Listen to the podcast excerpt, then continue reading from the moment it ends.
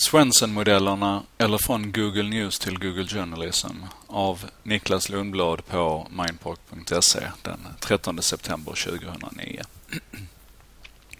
Det är intressant att fråga sig varför Google News heter just Google News.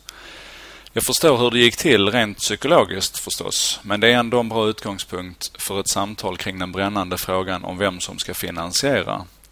Ja, just det, vad? De flesta är nog ganska ensamma att problemet inte kan vara hur vi ska finansiera tidningsbranschen eller papperstidningen eftersom den bara är en bärare av ett värde. Det värdet, journalistiken, ligger djupt inbäddat i en industristruktur som uppenbarligen inte överlever skiftet till informationssamhället särskilt bra. Och Det första vi ser när vi diskuterar journalistiken är just den industristrukturen, det institutionella ramverket, därav Google News. I en kontrafaktisk analys hade det varit spännande att se hur det offentliga samtalet om just den tjänsten utvecklats som Google istället hade kallat en Google Journalism. Om Google inkluderat duktiga bloggare, egenpublicerad journalistik av olika slag och kanske också tillåtit journalister att använda sajten som en sorts personligt textarkiv för att sprida gamla texter så mycket som möjligt. Ja, hur hade vi då uppfattat tjänsten? Som en binnikemask eller en parasit? Vad hade hänt om Google samtidigt sponsrat om och upp Pulitzerpriset och förvandlat det till The Google Pulitzer Prize? Priser är intressanta av flera skäl än att de hade kunnat fungera som game changers för Google och andra nyhetsaggregatorer. Faktum är att det går att se priser som ett svar på frågan om hur vi som samhälle ska finansiera journalistik i framtiden. Den journalist som skriver något som är så bra att han eller hon får ett stort och prestigefyllt pris som Pulitzerpriset måste väl ändå sägas ha fått en ganska bra avkastning på nedlagt arbete. Inte, själva, inte bara själva prissumman skulle utgöra en trevlig kompensation. Talarmöjligheter och annat som följer i efterglöden av priset ökar journalistens intäkter mångfalt. Eh, ja, men alla kan väl inte skriva i avvaktan på ett Pulitzerpris? Vad skulle det ens vara i Sverige exempelvis? Givetvis menar jag inte heller att det är svaret på frågan om hur all journalistik ska finansieras. Men när vi inser att Pulitzerpriset är en finansieringsform för journalistik så kan vi generalisera den insikten. Pulitzerstiftelsen är en icke vinstdrivande organisation med en betydande grundplåt i stiftelsefinansieringen. Och utdelningen av priset är, som i de flesta stiftelser, relaterat till avkastningen på grundkapitalet i stiftelsen minus administrationen och en liten inkrementell ökning av grundkapitalet som motsvarar riskprofiler och inflationseffekter. Faktum är att stiftelsefinansieringen är en fascinerande ekonomisk modell för finansiering av intresse som gränsar till eller långsamt skiftar över i allmänintressen. Detta är också temat för Michael Massings A New Horizon for News i det kommande numret av New York Review of Books. Massing skriver My inquiries into the non-profit world by contrast left me heartened. Here I found all kinds of excited activity Much of it, I discovered, had been set in motion by an op-ed piece that appeared in the Times in late January. David Swenson, the chief investment officer for Jail's endowment management team, and Michael Smith, a, fin- a, financial analyst there, argued that in the light of the struggles of newspapers, they should consider turning themselves into non-profit endowed institutions like universities. Endowments, they wrote, would enhance newspapers' autonomy while shielding them from the economic forces that are now tearing them down. Taking the Times as an example, they estimated that with a newsroom costing somewhat more than $200 million a year to run, and with some additional outlays for overhead, the paper would need an endowment of around $5 billion. Enlightened philanthropists must act now or watch a vital component of American democracy fade into irrelevance, they declared. Swenson-modellen om vi kallar den så, innebär givetvis kanske en ny och lite intressant finansieringsform för journalistiken. En filantrimodell, men med särskilda garantier för oberoende i och med att stiftelseformen tillåter insamlandet av så mycket pengar att journalistiken kan finansieras utan rädsla för påtryckningar. Konkret skulle blödande journalistikbärare kunna begära pengar som motsvarade vad de behövde, inte bara för att producera tidningen i ett par år. Det skapar stor belastning för den som driver tidningen med ett pågående filantropiarbete. Det märkte vi på magasinet Neo som delvis drivs enligt denna modell idag.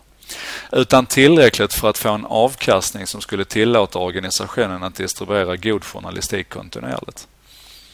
Och hur mycket pengar skulle det röra sig om? Det är ganska lätt att räkna baklänges. Anta att den avkastning som kan erhållas på grundkapitalet om det förvaltas konservativt är runt 5 då behöver tidningen en grundplåt som enkelt kan räknas ut så att verksamhetskostnaderna är lika med 0,05 gånger grundplåten. En tidning med kostnader på runt 100 miljoner för journalistik. Notera att vi inte talar om tryckning med mera här nu, utan bara den goda journalistiken i sig. Skulle alltså behöva runt 2 miljarder i grundplåt. Det låter som suveränt mycket, eller hur? Men då ska man komma ihåg att år 2008 fick Sveriges Radio och Sveriges Television 6,2 miljarder i avgiftsfinansiering. Låt oss fundera lite kring det och vara kreativa. Anta att vi gjorde en två års betalningspaus i statsägd TV och istället satte upp stiftelser för 12 miljarder. Det skulle ge sex medelstora oberoende producenter av god journalistik. Och hur skulle det då påverka produktionen av god journalistik? Skulle vi tala om en eh, kris i journalistiken då? För den som inte vill eh, stänga av SVT och SR i två år, och det medges förstås att det skulle innebära en del utmaningar, kan dubbla licensavgifter fungera på samma sätt. Dubbla helt enkelt tv-licensen i två år så skapar vi en förutsättning för sex stycken producenter av oberoende journalistik i stiftelseform. Och givetvis skulle denna journalistik licensieras under Creative Commons eftersom vi redan har betalt för den. Nåväl, jag kan höra invändningarna surra. Och visst, det finns en flod av invändningar mot Swenson-modeller. Låt oss bara titta på ett fåtal. 1. Vill du verkligen ha socialiserade statsfinansierade tidningar? Jag vill inte ha statsfinansierade tidningar. Jag vill ha en stiftelsefinansierad journalistik och det innebär inte en socialisering. Men visst, det finns en legitim fråga här och det är ju frågan om journalistik är en sådan allmännyttig vara att den bör gemensamt finansieras på detta sätt. Det här tror jag är en i någon mening djup fråga som innehåller flera olika element. Det första är naturligtvis att etablera nyttan. Är journalistik verkligen nyttigt för samhället? Jag tror vi kan visa ganska lätt. Vi inser intuitivt att det sannolikt är bra med en öppen diskussion och dialog av samhällets olika områden. Men det finns också forskning som visar att det faktiskt tycks spela roll om det finns en eller två tidningar på en marknad. När Cincinnati Post lades ner och lämnade Cincinnati med en enda återstående tidning så sjönk valdeltagandet. Färre kandiderade till offentliga tjänster och tydliga demokratiskador kunde påvisas. Parentes, se Schulhofer Woll, Samen Garedo, Miguel, Do Newspapers Matter? Evidence from the Closure of Cincinnati Post, mars 2009. Slutparentes. Men det ska medges att den som inte ställer upp på tanken att god journalistik är en sorts public good inte heller har något till övers för Svensson-modeller. Den andra frågan är om det finns ett marknadsmisslyckande här eller om det faktiskt är omöjligt för marknaden att hantera och producera god journalistik. Det finns faktiskt ekonomer som anser detta. Parentes. Se exempelvis Burks Stewart, The Media and Informed Electorate, An Economist Perspective. Slutparentes. Och frågan om hur man prissätter god journalistik är svår. Om vi förutsätter att god journalistik driver demokratin så måste den optimala distributionsgraden vara att alla och varje pris som minskar distributionsgraden ens lite måste anses vara en suboptimering av varans värde. Det resonemanget kan i sin tur lätt leda till slutsatsen att journalistik måste allmänfinansieras, alltså public provisioning. Det är trots allt så att annonsfinansieringen, den affärsmodellen, inte är oupplösligt förbunden med uppgiften att distribuera god journalistik. Faktum är att vi kan argumentera för att annonsfinansiering var ett nödvändigt ont som köpte tidningarna större oberoende från partier och andra finansiärer, åtminstone i USA. Parentes, se Petrova, Maria, Newspapers and Parties, How Advertising Revenues Created an Independent Press från eh, december 2008. Slutparentes. Och om nu den modellen inte fungerar längre så kan inte diskussionen handla om hur vi ska rädda annonsfinansieringen. Vi borde istället prata om hur vi ska rädda oberoendet. Nyckelpoängen här är att det kan vara kan, nyckelpoängen här är att det kan vara så att god journalistik är en public good. Om vi kan finansiera den gemensamt och bibehålla oberoendet så kanske det är vägen framåt. Och det är värt att notera att gemensam finansiering inte behöver betyda statsfinansiering. Inte ens den mest fundamentalistiska marknadsliberal kan väl vara emot att människor samlar ihop sina egna pengar och andras, lägger i en stiftelse och använder denna till att producera god journalistik. Även det skulle vara en Svensson-modell faktiskt. Invändning nummer två. Du får aldrig ihop den här sortens pengar från filantropi och dina hundra miljoner, tja, de är alldeles för lågt räknade. Här skulle jag givetvis böja mig för den som kan tidningsekonomi bättre än jag om det var så att jag var ett dugg intresserad av tidningsekonomi. Det är jag inte. Jag räknar inte på olika sätt att finansiera tryckning och porto och distribution. Jag räknar på sätt att finansiera god journalistik. Och visst, även Massings inledande inställning är skeptisk. The image of the Times and the Post protected by huge endowments seem comforting indeed. Unfortunately, it is entirely unrealistic. Turning those papers into non-profits would require the Salzburgers and the Grahams to voluntarily give away their wealth. Even if they were so moved, where would all those billions come from? They simply aren't out there. In light of dramatic fall-off in the value of Yale's own endowment, Swensons proposal seems doubly unpersuasive. Men sedan upptäcker Massing att det faktiskt tycks gå. Och han hittar en mängd exempel på att det redan sker. Och visst, jag förstår att transitionsperioden kommer att vara problematisk. Men faktum är att det är enklare i Sverige än på många andra ställen. För licensavgifter är inte den enda möjligheten. Pressstödet är idag runt 500 miljoner. Ge bort 10 års pressstöd i ett svep och avskaffa det sedan. Ordna stiftelser som tar emot det och sedan kan diskussionen om pressstöd med EU-kommissionen avbrytas. De lär ju inte kunna angripa public service-stiftelser direkt. Och vad är alternativet? Någon sorts varvsstöd till den vacklande tidningsbranschen? Skarpare upphovsrätt? Det senare skulle vara en indirekt version och förlängning av det första och dömt att minska distributionen av en vara som vi redan konstaterat bör spridas maximalt för att vi ska kunna få de goda effekter som det hävdas att varan har. Så visst, det är inga små summor, men det finns förutsättningar att lösa detta problem och det finns, som Messing konstaterar, exempel som visar hur det kan gå till.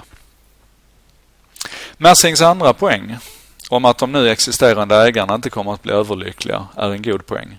Men den är inte nödvändigt problematisk. Om vår uppgift är att säkra att god journalistik finns tillgänglig för demokratins framtid och om det samtidigt underminerar en existerande men absolut falnande industri, tough luck. Eller? Här måste den som är en vän av marknadsekonomin tänka efter noga. Är det så att vi konkurrerar ut privata företag med statliga interventioner? Är detta någonting annat än när den privata pizzabagaren i förorten konkurreras ut av kommunen som öppnar en egen pizzeria i simhallen precis bredvid? Ja, det finns en kvalitativ skillnad. Pizzabagarens affärsmodell var hälsosam. Joakims kommentar. Nåja. Slutkommentar. Och uthållig. Kommunens pizzeria innebär därför ett ingrepp i hans ekonomi som är helt oförsvarligt. Att försörja bygden med pizza är inte heller en allmännyttig uppgift.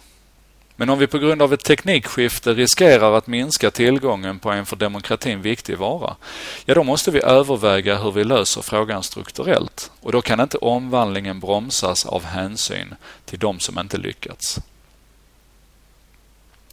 Ytterst handlar det om frågan om vi tror att det finns affärsmodeller som kan garantera tillgång på god journalistik utan statsstöd och ingripande förändringar i informationsfriheten. Eller om vi tror att det hänt något fundamentalt i och med övergången till informationssamhället som gjort att de strukturella grundförutsättningarna för att tjäna pengar på att äga informationen utplanats eller försvagats. Om vi tror att det skett en förskjutning i samhällsekonomin som gör att det värdeskapandet för informationen ligger i organisationen av information snarare än i produktionen och ägandet, ja då blir vissa affärsmodeller helt enkelt obsoleta. Eller så här. Ibland är inte frågan om vilka framtidens affärsmodeller är, utan om de finns. Det bästa argumentet mot Svensson-modeller är egentligen inte en.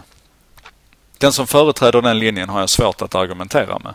Om man hävdar att vi måste ge marknaden en chans och att det är först när de traditionella bärarna av god journalistik när, när de traditionella bärarna av god journalistik kollapsar helt, som vi bör gå över till gemensamfinansierade modeller, så kan jag bara säga, vilka tecken vill du ha? När ska vi anse att det är dags att börja? Den tredje invändningen.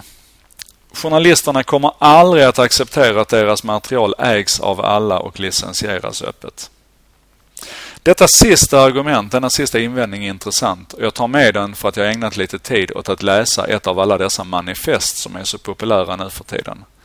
Det finns mycket i detta manifest som jag verkligen gillar, men jag fastnade på detta. Punkt 13. Copyright becomes a civic duty on the internet.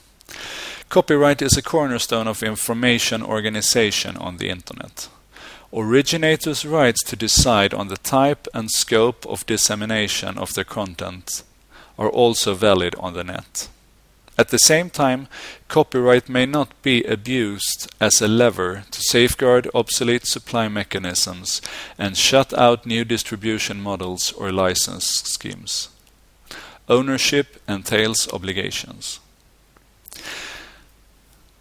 Det är vackert som man blir tårögd. Min kommentar, förlåt.